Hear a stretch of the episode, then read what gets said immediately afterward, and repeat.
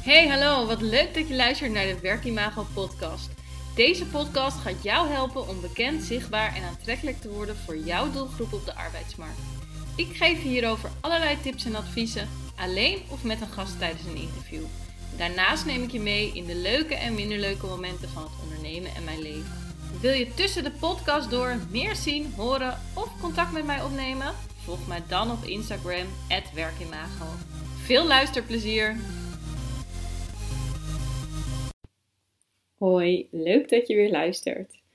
Vandaag een podcastaflevering over data-driven recruitment.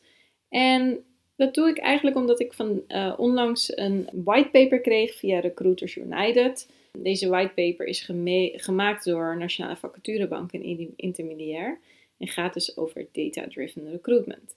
En aangezien data hot topic is, vond ik het leuk om mijn learnings uit deze whitepaper met jou te delen.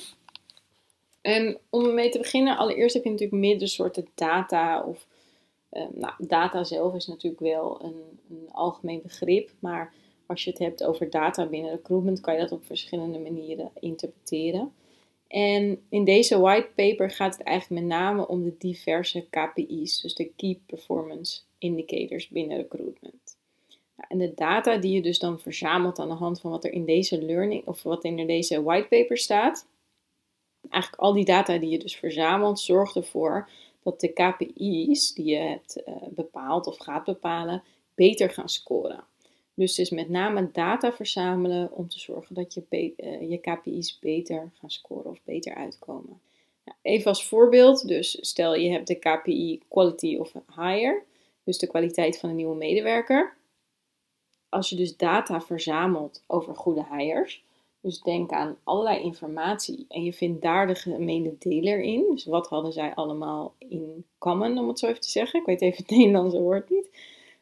Dan zou je dus op termijn ehm, de gemene deler kunnen toepassen in de selectie als je weer zo'n vacature hebt. En het gevaar hier natuurlijk van is dat je mensen gaat uitsluiten die wel goed kunnen zijn. Maar aan de andere kant, als je weer genoeg data hebt en hier een profiel uit weet te realiseren, zal je, KPI, uh, zal je de KPI Quality of Hire zeker gaan verbeteren. Nou, kortom, de whitepaper gaat met name over het beter later performen van je KPI's. En als je kijkt naar een ander type data, uh, bijvoorbeeld het meten van traffic op je site, dus van verkeer uh, op je site, dus wie komt er op jouw website of op je vacature, bijvoorbeeld door middel van Google Analytics als meettool, dan komt dit bijvoorbeeld niet aan bod in de, in de whitepaper. Maar daar heb ik wel goed nieuws voor, want uh, binnenkort neem ik hier een podcast over op met Jelmer Zuidema van Roadtrip.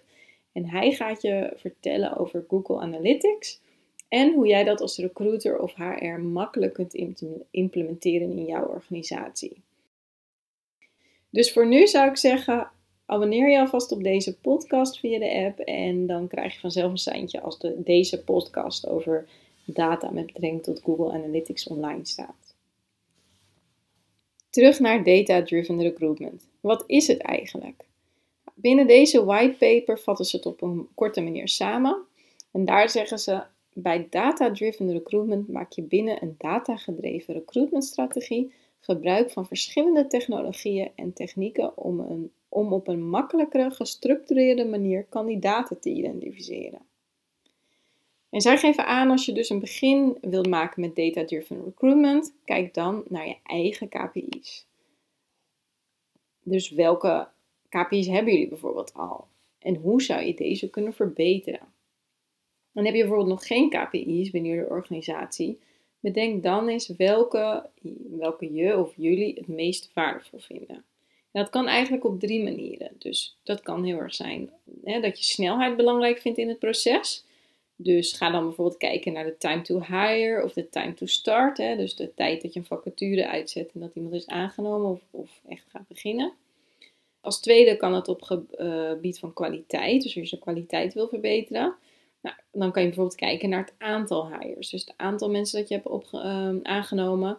Of ja, wat, ik al eerder zei, de quality of hire. Dus de kwaliteit van een nieuwe medewerker.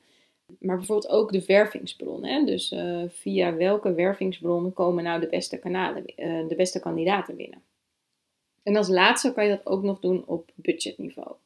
En dan kan je bijvoorbeeld kijken naar de cost of hire. Dus hoeveel kosten maak je daadwerkelijk om een nieuwe, nieuwe medewerker aan te nemen? Lastig eigenlijk, die Engelse en Nederlandse termen door elkaar.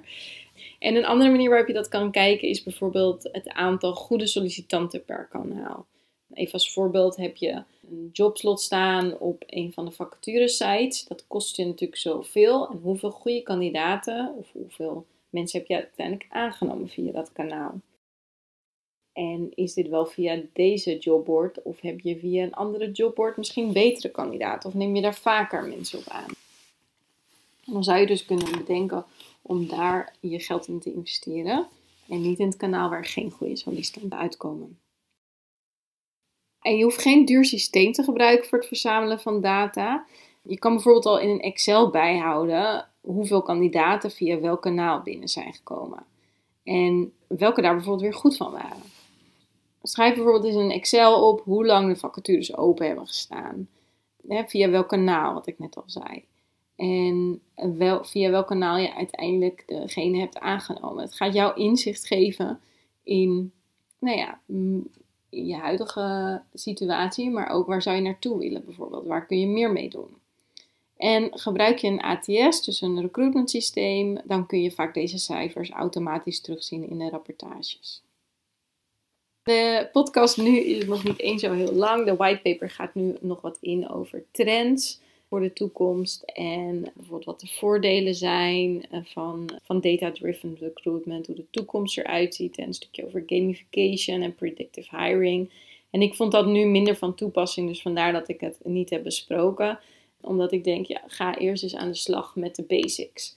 En als je de basics hebt of je bent veel verder, dan kan je altijd weer een stapje verder zetten op gebied van data. En bijvoorbeeld ga dan eens met Google Analytics aan de slag. En ga eens kijken hoe kunnen we de instroom op onze website uh, verbeteren. Dus ehm, ja, dat is eigenlijk misschien ook meteen al een stukje over de, mijn conclusie van data. Want ik vond deze whitepaper super interessant om te lezen. Maar als je dan weer kijkt naar de term data-driven recruitment, dan vind ik het echt weer een hippe en fancy term. En als je mij een beetje kent of vaker naar een podcast hebt geluisterd, dan weet je dat ik hier eigenlijk een soort van afkeer tegen heb, tegen al deze hippe termen. En niet zozeer tegen de term zelf, maar al de theorieën en strategieën die eigenlijk als hogere wiskunde eromheen worden gebouwd en in de markt worden gezet. En tot op een bepaald niveau ben ik er echt van overtuigd dat het echt niet moeilijk is en dit ook weer de data dat iedere recruiter of HR ermee aan de slag kan. En natuurlijk heb je ga je boven een bepaald niveau op een gegeven moment met data en heb je de, de ja, meest toegangbare dingen gedaan en verbeterd in je recruitmentproces. Ja, dan ben ik ervan overtuigd dat je soms beter een specialist uh, voor in kan laten zetten of jezelf daarin gaat specialiseren.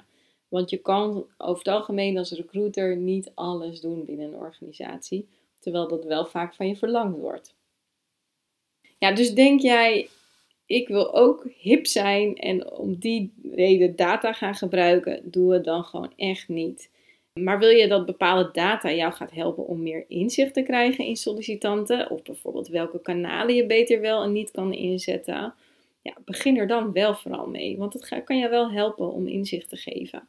En wat ik net al zei, om bepaalde kanalen beter of uh, minder te gebruiken. En dan is mijn tip aan jou: doe het stap voor stap. Dus begin bijvoorbeeld eens met het in kaart brengen welke goede kandidaten waar vandaan komen. Dus via welk kanaal. Als je bijvoorbeeld via een jobboard 20 sollicitanten binnenkrijgt, maar wel maar één goede. En bijvoorbeeld met referral recruitment, hè, dus de collega's die bijvoorbeeld andere collega's aandragen, krijg je 10 kandidaten binnen, waarvan 5 goed. Dan kan je beter je tijd en eventueel geld investeren in een referral recruitment programma of daar meer, uh, om meer uit dat programma te halen, dan dat je meer geld stopt in je jobboard. Want daar komen nou eenmaal minder goede kandidaten uit. Althans, even als voorbeeld, hè, als dat blijkt uit de data. En dit was trouwens even een voorbeeld, maar ben je dus al verder, heb je echt wel die KPI's onderzocht en waar kan je verbeteren op de kwaliteit van een inhuur, hè, dat soort standaard eh, KPI's. Dus ik noem ze nog even op welke ik eerder had gezegd. Ehm, time to hire, time to start, aantal hires, de quality of een hire, de oorsprong van een wervingsbron. Of bijvoorbeeld de cost of hire, het aantal sollicitanten per kanaal. Dat soort KPI's zeg je, nou dat heb ik echt wel in kaart en ik wil daar een stapje bovenop doen. Nou, kijk dan bijvoorbeeld eens naar Google Analytics. Zet Google Analytics eens aan, of waarschijnlijk binnen je organisatie staat het al aan, binnen IT of marketing. En ga eens kijken en onderzoeken via welke bron mensen op jouw vacature komen. En hoe lang blijven ze daar? En wanneer haken ze af op een vacature? Je kan tegenwoordig ook via um, de applicatie Hotjar maken ze echt een soort warmtescherm voor waar je, uh, waar je precies ziet wanneer haken mensen af. En het is natuurlijk logisch, hoe meer ze naar beneden moeten scrollen, hoe meer ze afhaken. Maar met Hotjar zie je bijvoorbeeld ook precies waar de muis van mensen heen gaan dus gaan ze bijvoorbeeld over de titel van de vacature of gaan ze meteen naar een filmpje. Dus je ziet, je kan daar gewoon heel veel van uithalen. En, en Google Analytics geeft daar ook zeker al een, eh, een begin in. Dus ik zou zeggen, ga eerst eens met deze aan de, uh, stappen aan de slag. En um, nou, wat ik al zei over Google Analytics komt natuurlijk binnenkort een nieuwe podcastaflevering online met eh, Jelmer Zuidema. Um, dus heb je interesse in dit onderwerp, abonneer je vooral en luister die aflevering binnenkort terug. Deze ehm, whitepaper die had niet heel veel meer dan dit, behalve nog even een stukje datagedreven uh, recruitment in de toekomst. Daar, ik zit het er even bij te pakken, maar daar hadden ze het ook nog inderdaad over big data. Hè, dus dat je echt superveel data van iedere sollicitant gaat verzamelen en ook opslaan. Nou, er zitten natuurlijk wel weer wat nadelen aan rondom de AVG. Uh, maar bijvoorbeeld ook een stukje gamification. Hè? Dus dat je door middel van een spel een, uh, een selectie doet. Mensen zijn ook voorspelbaar. Dus uh, vertellen ook nog een stukje over predictive hiring.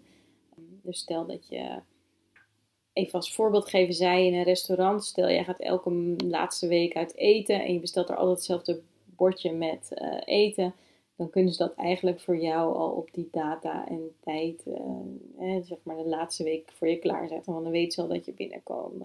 Kom. Dus zo um, uh, zeggen dat nog voor de toekomst. En ze hebben, hebben het bijvoorbeeld ook nog over de performance feedback loop. Nou, ook weer een hele mooie term. Maar daarin is natuurlijk best wel te voorspellen hoe vaak uh, bepaalde functies verloop hebben.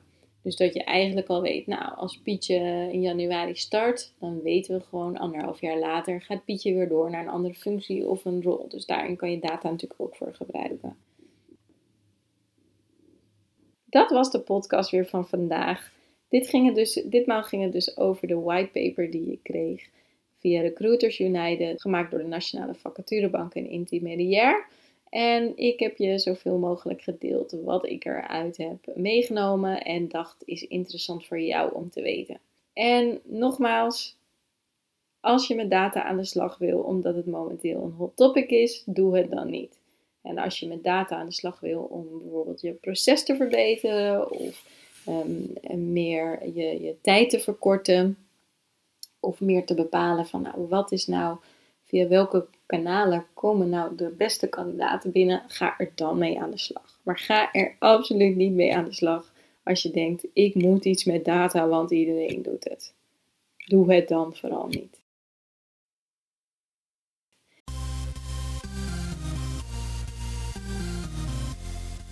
Super leuk dat je hebt geluisterd naar de Werkimago podcast. Dankjewel. Nog even kort drie dingen die ik met jou wil delen. Allereerst, fijn dat ik steeds vaker word getagd op Instagram in berichten dat luisteraars deze podcast luisteren. Ik vind dat echt leuk, dus tag mij vooral in bijvoorbeeld je stories als je naar deze podcast luistert. En volg je mij nog niet? Ga dan naar Instagram en zoek mij op via werkimago. Dan ontvang je regelmatig tips en tricks op gebied van employer branding, recruitment marketing en candidate experience. En als tweede, het is mijn missie om jou met deze podcast te inspireren. En omdat ik het super fijn vind dat je naar de podcast luistert, verloot ik regelmatig aan de luisteraars. Of een gratis coachcall waarin ik jou persoonlijk ga helpen.